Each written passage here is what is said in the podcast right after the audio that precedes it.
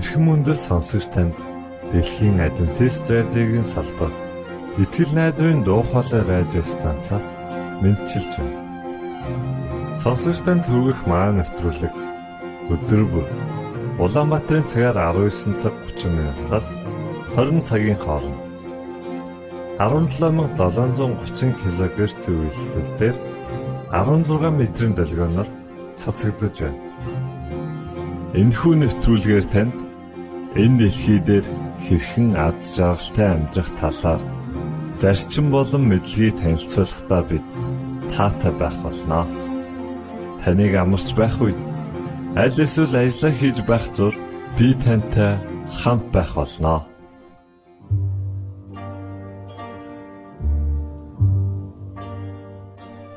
Өнөөдрийн хөтөлбөрөөр Redeemer нэртэй сайхан дуу бид танд хүргэх болно.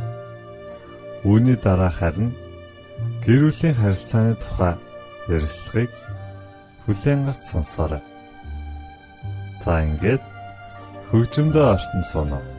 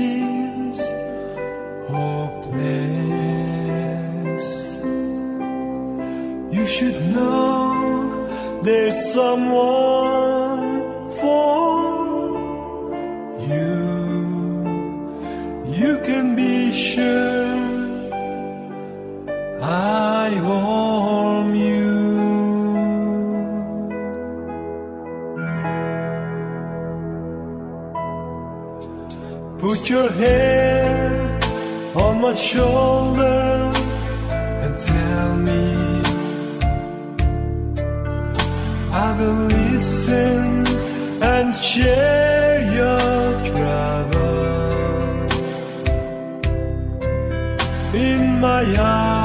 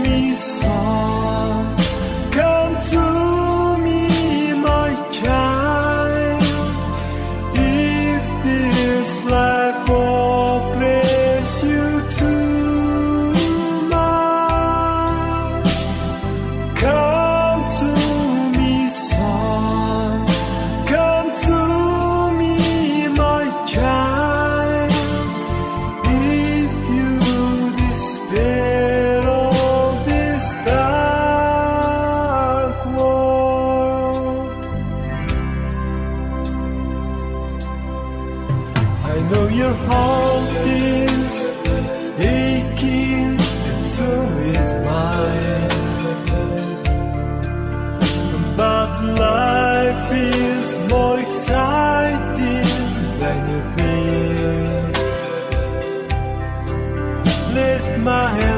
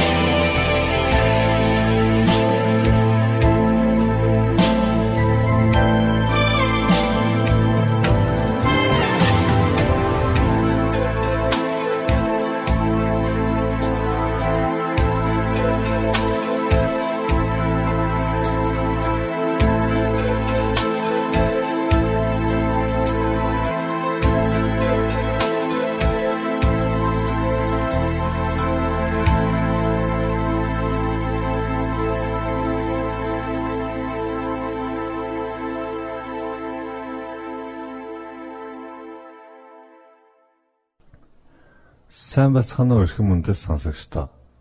Гэр бүлийн цагаараа би танд Монголын адвентист чуулганы гэр бүлийн хилцээний захирал Пүрүр дулам эгчтэй хийсэн ярилцлагыг сонирдуулах гэж байна.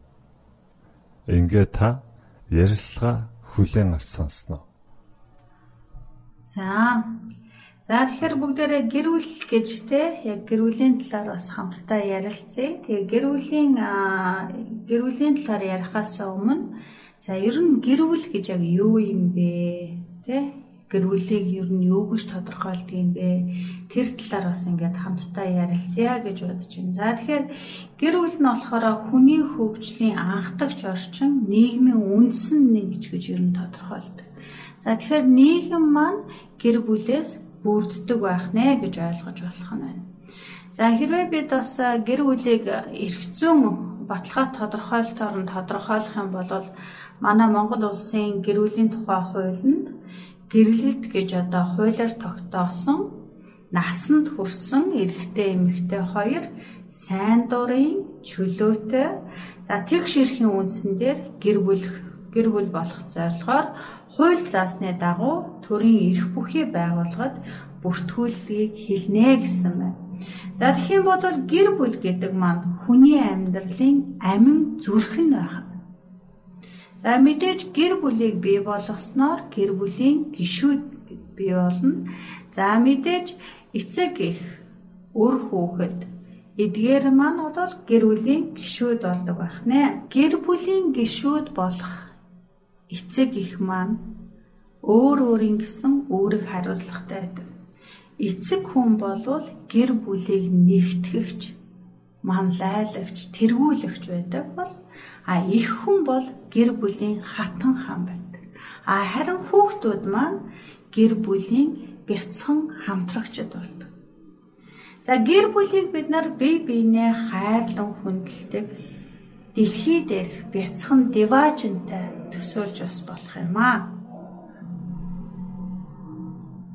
За тэгэхээр бүгдээрээ гэр бүл гэж яг юу болох талаар бас мэдлээ. За тийм болохоор ер нь таны амьдарч байгаа гэр бүлийг яг гэр бүлийн бүтэц хэв маягт нь хэрхэн хуваадаг талаар бас хамтдаа үздэцгээе. За гэр бүлийн хэв маягийг сонгодог утгаар нь дан, нийлмэл, өрөөсгөл гэж ангилдаг. За тэгэхээр эдгээр хөгжлийн шат бүртээ өвгмөц онцлогийг харуулж яадаг. За нийгмэл гэр бүлийн хувьд хүүхдүүд нь өөрийн гэр бүлийн хамт эцэг их эсвэл хаднуудынхаа аль нэгтэй мөн хамаатнуудаас одоо бүрдэх бөгөөд нэгэнтэй хамтдаа амьдарч байгаа хүмүүсийг хилдэг байна. За дан гэр бүл гэх юм бол зөвхөн эцэг их хүүхдүүдтэйгээ хамт амьдарч байгаа гэр бүлийг бол дан гэр бүл гэдэг байна. Өрөөсгөл гэр бүл гэдэгт бэлэвсэн, салсан хүмүүс багтдаг боловч тодорхой шалтгааны улмаас хамтдаа амьдрах боломжгүй тэр гэр бүлийг өрөөсгөл гэр бүл гэж нэрлэдэг байх нэ. За тэгэхээр та магадгүй нийлмэл гэр бүл эсвэл дан гэр бүл а эсвэл өрөөсгөл гэр бүлд бас гэр бүлийн бүтэц хэм маягт бас хамрагддаг гэж хамаарагддаг гэж бас болох юм аа. За тэгэхээр гэр бүл болоод хүний хүний хөгжлийн одоо үйл явцтай адилхан гэр бүл маань мөн гэр бүлийн амьдралын мөчлөг гэдэг зүйлээр бас давж гардаг байх нь байна. За тэгэхээр гэр бүлийн амьдралын мөчлөгийг бодвол эрдэмтэд их олон одоо хувааж үзсэн байдаг. Гэхдээ өнөө үед те энэ яг орчин үед бол гэр бүлийн амьдралын мөчлөгийг одоо 6 үе шатанд бас хувааж авч үзэж болох нь. За хэрвээ бид гэр бүлийн амьдралын мөчлөгийг үе шат бүрээр нь ярилцах юм бол гэрлэлтээс өмнөх үе, за гэр бүл болох үе, бага насны хүүхэдтэй гэр бүл, өсвөр насны хүүхэдтэй гэр бүл, хүүхэд нь тусдаа гарах үе, за хижээл насны гэр бүл гэж ангилж бас болох нь. Хөгжлийн үе шат бүр нь гэр бүлүүдэд шин зорилт, даалгавар, шин дасан зохицох чадварт суралцах хэрэгцээ үүнээс шалтгаалсан шин хямралуудыг авчирдаг байна. За үе шат бүрт одоо тий хэрхэн дасан зогсож байгаагаар нь гэр бүл ямар шатандаа явж байна вэ гэдэг нь бас ихээхэн шалтгаалдаг байх нэ. За тэгэхээр энэ гэр бүлийн амьдралын энэ мөчлөг бүр энэ үе шат бүрт одоо гэр бүлд гарах өөрчлөлтүүд гэж бас байна. За гэрлэлтээс өмнөх үед бол ямар өөрчлөлт гардаг вэ гэхээр төрсөн гэр бүлээсээ ялгарах өөрийн гэр бүлээ бий болгоход бэлтгэх тэр үе шат явагдчихэдэг. За гэр бүл болох үе нь болохоор шинэ орчин, шинэ харилцаа бий болгох үүрэг хариуцлага хүлээх тийм үе шат байна. За мөн бага насны хүүхдтэй гэр бүл болоод ирэхээр шинэ гишүүн хүлээж авдаг, мөн эцэг их болдог, мөн нэмэлт үүрэг даалгаврууд болвол бий болдог байх нэ. За ингээд өсвөр насны хүүхдтэй гэр бүл гэдэг энэ үе шатанд бол хүүхдүүд өөрийн гэсэн үзэлтэй өөрийн гэсэн бие даах чадвар сууж ирж байдаг. За хүүхэд нь тусдаа гарах үе гэж бас энэ дээр байна. За энэ нь болохоор гэр бүлд шинээр гишүүн орж ирээд ордог мөн гардаг. Яагаад гэхээр хүүхдүүд маань том болоод амьдралын ханаа сонгоод те магадгүй та өөрөө хадам ээж, хадам аав болдог ийм үе байгаа. Тийм болохоор танай гэр бүлд шинээр хүн орж ирдэг, мөн та хүүхдээ тусад нь гаргадаг. Энэ үеийг бол хүүхэд тусдаа гарах үе гэж нэрлэж болдог байна. За ингээд хижээл насны гэр бүлийн гарах өөрчлөлтүүд юу гэхээр өөрчлөгдөж буй үүрэг хариуцлагыг хүлээн зөвшөөрөх тийм үе бол шатгалт байдаг. Учир нь юу гэхээр таны хүүхдүүд өсөж том болоод өрх тусгаарлаа ингээд ирэхээр амьдралын зам ёсоор та одоо хижээл настай болдог байна. За ингээд хижээл настай болоод ирэхээр таны амьдралд бас өөр өөр шин шин зүйлүүд бол бий болж гардаг байх нэ. За ингээд бүгдээр бас гэр бүлийн амьдралын мөрчлөгийн талаар бас хамтдаа судалж бас мэдлээ. За тэгэхээр гэр бүл бүхэн гэр бүл бол нийгмийн бүлэг учраас нийгмийн өмнө олон үүрэг хүлээдэг. За ингээд бүгдээрээ гэр бүлийн үүргийн талаар бас хамтдаа ярилцгаая. За нийгмийн анхдагч хянагчийн үүргийг болвол гэр бүл үүрдэг байна гэр бүл нь одоо гişүүдийнхээ нийгэмд бие авч явах, бусадтай харилцах, хүндэтгэх ёс суртахууны хим хэмжээг тогтоож өгөхөөс гадна үйлдэл үйл ажиллагааг нь хянаж байх үүрэгтэй байдаг байна. За эцэг их гэдэг бол маш том үүрэг хариуцлага биднийг бас дагаад ирдэг. Тийм учраас бид нар үр хүүхдүүдтэй хинтээ уулзаж байна вэ? Хинтээ найзалж нөхөрлөж байна вэ? Хаана ихэнх цагаа өнгөрөөж байна вэ гэх энэ нийгмийн данхдагч хинэгчийн үүргээ бол эцэгчүүд бид бас хүлээдэг байх нэ, үүрдэг байх нэ. За тэгэхээр гэр бүл маань бас хүмүүжүүлэх үүрэгтэй За мэдээж өсвөр залуу үе хүүхэд залуучуудаа бид нар бас хүмүүжүүлэх үүргийг нийгмийн өмнө хүлээдэг байх нэ. Өсвөр болон одоо залуу үеийг нийгэмшүүлэх, мэдлэг боловсралтай бие хүн болгон төлөвшүүлэх, эрүүл чирэг бие бэлдартай, эх оронч, зөв үзэл хандлагатай зан суртахууны соёлтой иргэн болгож хүмүүжүүлэх үүргийг нийгмийн өмнө бид бас хүлээдэг байна. За хэрвээ гэр бүл үр хүүхдүүдэд хүмүүжүүлэх энэ үүргийг сайн биелүүлээгүйгээс болоод бид нар их оронж бус тэ одоо нийгэмдээ одоо асуудлыг авчирсан тийм хүүхдүүдийг нийгэмд бэлтгэх аюултай учиртааг. За тэгэхээр гэр бүл бас мөн эв нэгдэлтэй байх үүрэгтэй. За тэгэхээр гэр бүлийн гишүүд бусдынхаа одоо оюун санаа, эрдэм боловсролын хөгжлийг дэмждэг, нэг нэгнээ байгаагаар нь хүлээн зөвшөөрдөг тий.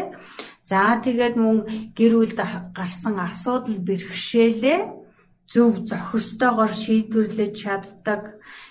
За тэгээд мөн нэг нэг нэгэ уучлж чаддаг. За тэгээд эв нэгдэлтэй байх үүргийг мөн бие хоорондоо хүлээдэг байна. За энэ үүргээ бид нар харин биелүүлээгүй тохиолдолд яадаг вэ гэхээр гэр бүл нөгөө байнгын зөрчил маргаан чинь үүсээд ирдэг. Ийм аюултай байна. За мөн дараагийн нэг үүрэг нь болохоор нийгмийн нэр хүндийн үүрэг гэж бас байдаг байх нэ. За мэдээж бид бас нийгэмдээ тодорхой байр суурь эзэлсэн тийм хүмүүс байгаа. За тэгэхээр гэр бүлд маань одоо нийгэмд байр сууриа эзлээд гэр бүлийн нэр төрийг өргөж явах үүрэгтэй. Хэрвээ үр хүүхдүүдэд бид нар сайн хүмүүжүүлээд ингэх юм бол хэний нэр гарах вэ? Аавын нэр гардаг те.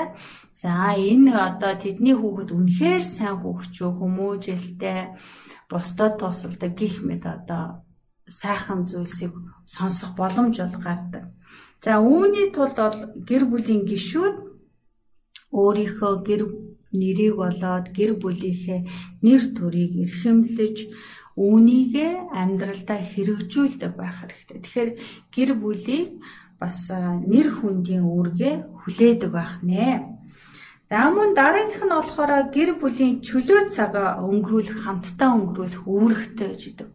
За тэгэхээр энэ дээр бол яриул бид бас маш олон зүйлийг ярьж болно. Ялангуяа одоогийн нийгэмд бид маш завгүй ертөнцид амьдарч байна.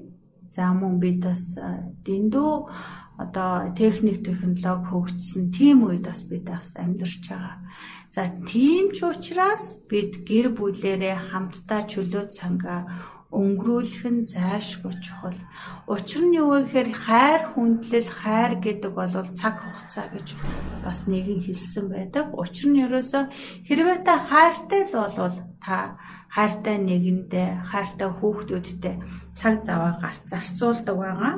За тэгэхээр чөлөө цагаараа хамтдаа сайн сайхан зүйлийг хийж хүүхдүүдийнхээ насан туршдаа мартагдахгүй тэр дурсамжийг бий болгох үүргийг та бас хүлээдэг байх нэ. За энэ нь болохоор гэр бүлийн харилцаа эрүүл байж бие биенээ ойлгоход маш тустай үүрэг байх нэ. За мөн бид бас сэтгэл санааны дэмжлэг үзүүлэх үүрэгтэй юм байна. Амьдрал юу эс тохиолдох вэ? Янз бүрийн юм тохиолддог тий. За тэгэхээр бид бидэнд тохиолддог за материалын хэрэгцээгээ яах вүлээ? Одоо сургууль боловсрлоо яах вүлээ тий? За сэтгэл зүйд маань тохиолдож байгаа асуудал хямрлаа бид нэр хэрхэн давж гарах вүлээ? Тэгээ энэ бүхэндээ бол бид нэг нэг нэгээ сэтгэл санаагаар нь дэмжих үүргийг бол хүлээдэг байх нь. За мөн а одоо сэтгэл зүйн эрсдэл ямар нэгэн зүйлээс бид нар хамгаалахын тулд нэг нэг нэгээ хамгаалах хэрэгтэй, хайрлах хэрэгтэй, дэмжиж урамшуулах хэрэгцээтэй байдаг. Тийм ч учраас бид нар сэтгэл санааны дэмжлэг үзүүлэх үүрэгтэй байх нэ. За мөн одоо гэр бүлийн бас хамгийн чухал үүрэг болох нөхөн өрчхөн үүрэгтэй байх нь. За гэр бүл бол биологийн хэрэгцээгээ хангаж нөхөн өрчхөн үүргээр үр удмаа үлдээж нийгмийн нөхөн үйлдвэрлэлийн үүрэг гүйцэтгэдэг гэдэг. Хэрвээ гэр бүл нөхөн одоо үржихгүй болвол те үр хүүхдүүдтэй болохгүй болвол манай улс орны хүн ам зүйн хувьд те бас мэрэг өөрчлөлт гарна. За харин одоо бол бас төрөлт ихсэж байгаа гэр бүлийн гишүүд те гишүүдийнхээ тоог бас их нэмдэг болсон. Тэгэхээр магадгүй энэ бүхэн нь бас хүмүүсийн амьдралын төвшөнтэй бас холбоотой хаа гэж бодож байна. За эцэст нь бол эдийн засгийн үүргийг хүлээдэг байна. За гэр бүлийн гишүүд хөлмөр эрхэлж гэр бүлийнхээ эдийн засгийн хэрэгцээг хангах үүрэгтэй За үүгээрээ дамжуулаад нийгмийн баялагийг үйлдвэрлэхэд оролцох үүргийг хүлээдэг байх нэ. За тэгэхээр гэр бүл дээрх үүргээ хэр биелүүлж байгаас байгаагаас маань шалтгаалаад нийгмийн хөгжил шалтгаалдаг байх нь. Хэрвээ нэг гэр бүл өөрийнхөө гэр бүлийн одоо үүргийг биелүүлдэг байх юм бол тэр гэр бүл тухайн орчинд тухайн орон нутагта тухайн хорог хороо нутаг дэвсгэртэй болвол маш сайхан үлгэр жишээг үзүүлж бас болох нь байна. За гэр бүлийн дотоод харилцаа сайтай, бүрэн бүтэн, нийгмийн өмнө хүлээсэн үүргээ сайтар биелүүлж байгаа гэр бүл нь хүүхэд өсч хүмүүжиж нас бийт гүйцэд өөрийн гэр бүлээ зохиодог. За үүнээс бид юуг харж болох вэ гэхээр хэрвээ та ямар гэр бүлд өсөж хүмүүжсэн байна та яг л тийм гэр бүлийг нийгэмд бий болгох чадвартай чаддаг. За тийм учраас хүүхдийн эрхийг хамгаалсан хүүхдэд ээлтэй гэр бүлийн орчныг бүрдүүлэх нь гэр бүлийн насанд хүрэгчдийн салшгүй том үүрэг хариуцлага байх нэ. Та ямар гэр бүлийг үр хүүхдтэй хүснэ тийхүү өнөөдөр та тэр гэр бүлийнхээ гэр бүлээ цогцлон бий болгоосаа гэж хүсэж байна. За энэ удаад бид гэр бүлийн талаарх ерөнхий ойлголтуудыг бас өглөө. Тэгэхээр дараа дараагийнхаа одоо нэвтрүүлгээр гэр бүлийн талаар маш олон дэлгэрэнгүй сайхан ярилцгаая гэж бодож байна. За тэгэхээр бид бол яг миний хувьд судлаач миний хувьд бол гэрлэлтэнд бэлтгэх үе гэдэг бол хамгийн чухал үе гэж бас боддог. Тийм учраас бид дараа дараагийнхаа нэвтрүүлгээр хэрхэн одоо залуучууд маань өөрсдийгөө гэр бүл бэлтгэх вэ? За тэгэхээр хэрвээ та амьдралын ханаа сонгосон гэж байгаа бол тэр гэр бүлэлтэнд бэлтгэх үеийг хэрхэн даван туулах вэ гэдэг талаар бас маш сонирхолтой олон зүйлсийг ярилцгаая. За баярлалаа. Итгэл найдрын дуу хоолой радио станцаас бэлтгэн хөрөгдөг нэвтрүүлгээ танд хүргэлээ. Хэрв та энэ өдрийн нэвтрүүлгийг сонсож амжаагүй аль эсвэл дахин сонсохыг хүсвэл бидэнтэй дараах хаягаар холбогдорой. Facebook хаяг: Латин үсгээр Монгол заавад AWR Имейл хаяг mongol@gmail.com Манай утасны дугаар 976 7018 24 9 Шуудангийн хаяг 16 Улаанбаатар 13 Монгол улс Биднийг сонгонд цаг зав аваад зориулсан танд баярлалаа. Бурхан таныг бивээх